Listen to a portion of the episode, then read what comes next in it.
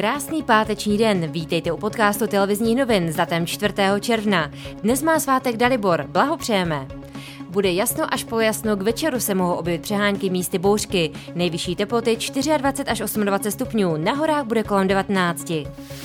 Poslanecké sněmovně bylo včera velmi živo. Od 9 ráno až do 23. hodiny se jednalo o vyslovení nedůvěry vládě premiéra Andreje Babiše. Po 14 hodinách bylo jasno, kabinet hlasování ustál, poslanecká sněmovna návrh usnesení nepřijala. Systém testování zdarma, který měl být v provozu už od 1. června, stále nefunguje. Lidé se ani včera hlavně v soukromých laboratořích nemohli zdarma testovat PCR metodou. Podle laboratoří stále ještě nebyla doladěna ministerská metodika, především ceny testů a odběrové kapacity. Podle ministra zdravotnictví Adama Vojtěcha není pravdou, že by systém nefungoval.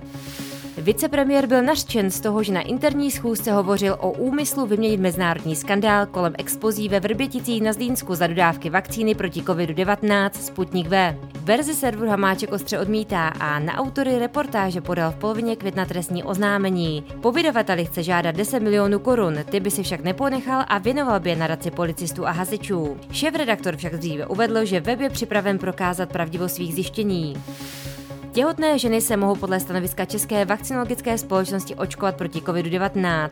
Vakcinace je tak vhodná ideálně u žen s vyšším rizikem nákazy, jako je třeba práce ve zdravotnictví nebo u žen s nadváhou, cukrovkou, astmatem, vysokým tlakem a obecně věkem nad 35 let. Těhotný může při nákaze koronavirem hrozit horší průběh prodělání nemoci i předčasný porod. Očkování by mělo probíhat po dokončení 12. týdne těhotenství.